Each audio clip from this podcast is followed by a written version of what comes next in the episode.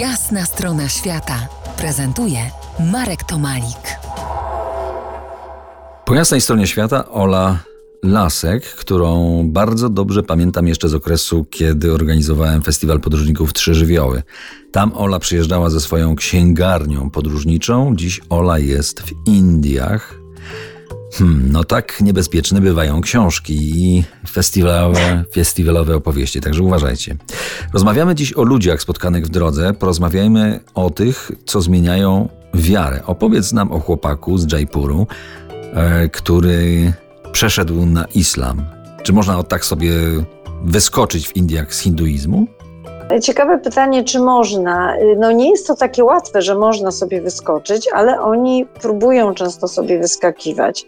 Niektórzy tutaj mówią dlatego, żeby wyskoczyć jakby z tego systemu kastowości. I albo przechodzą na chrześcijaństwo, albo przechodzą na islam. Ten chłopak, z którym rozmawiałam właśnie w Jaipurze, on przeszedł z poczucia jakby wiary, że no, u niego się to zmieniło na, na islam i z tego powodu miał bardzo duże, e, że tak powiem, nieprzyjemności. To jest tak, że najpierw sobie, najpierw wypisujesz taki akces, papier, że chcesz zmienić wiarę. To jest coś podobnego jak w Indiach z małżeństwem.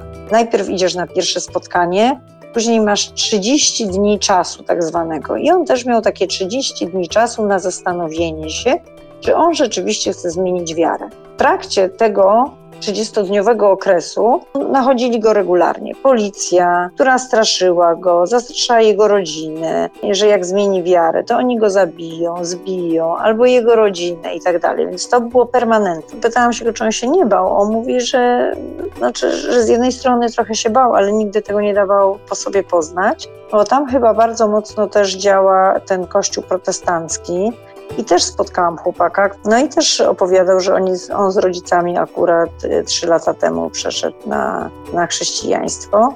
No i jest szczęśliwy, i on nie, ale to też się wynika z tego, że, że oni wyskakują, tak jak mi tu wszyscy mówią, że wyskakują z tego, z tego systemu kastowego i dlatego to robią. A czy potrafisz powiedzieć, czy to jest, jest czy to jest dosyć, e, staje się dosyć masowe zjawisko, czy to tak incydentalnie, że tak powiem? Mm, zaczyna, nie, myślę, że to się zaczyna, zaczyna coraz bardziej gdzieś tam rozprzestrzeniać.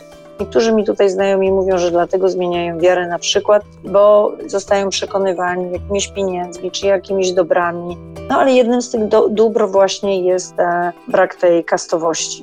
No to może tłumaczyć w ogóle politykę, Chociaż... politykę w, w Indiach, która jest hmm, no jakby to powiedzieć, e, bardzo restrykcyjna, jeżeli chodzi o, o, nawet bym powiedział, fundamentalistyczne. To rzeczywiście tutaj widzimy i obserwuje się ze wszystkich stron, że są nagonki na, na muzułmanów. W różnych stanach jest inaczej. Na przykład, będąc w Kerali, to Kerala to jest taki patchwork, tak? Tam są muzułmanie, są chrześcijanie, żyją y, Hindusi, hinduiści, wyznawcy hinduizmu, byli Żydzi, są Sikhowie i te wszystkie społeczności razem świetnie funkcjonują. Jak się zapytasz o ich wiarę, I am human, nie? My tu żyjemy wszyscy ze sobą w zgodzie. I to każdy w Kerali ci powie.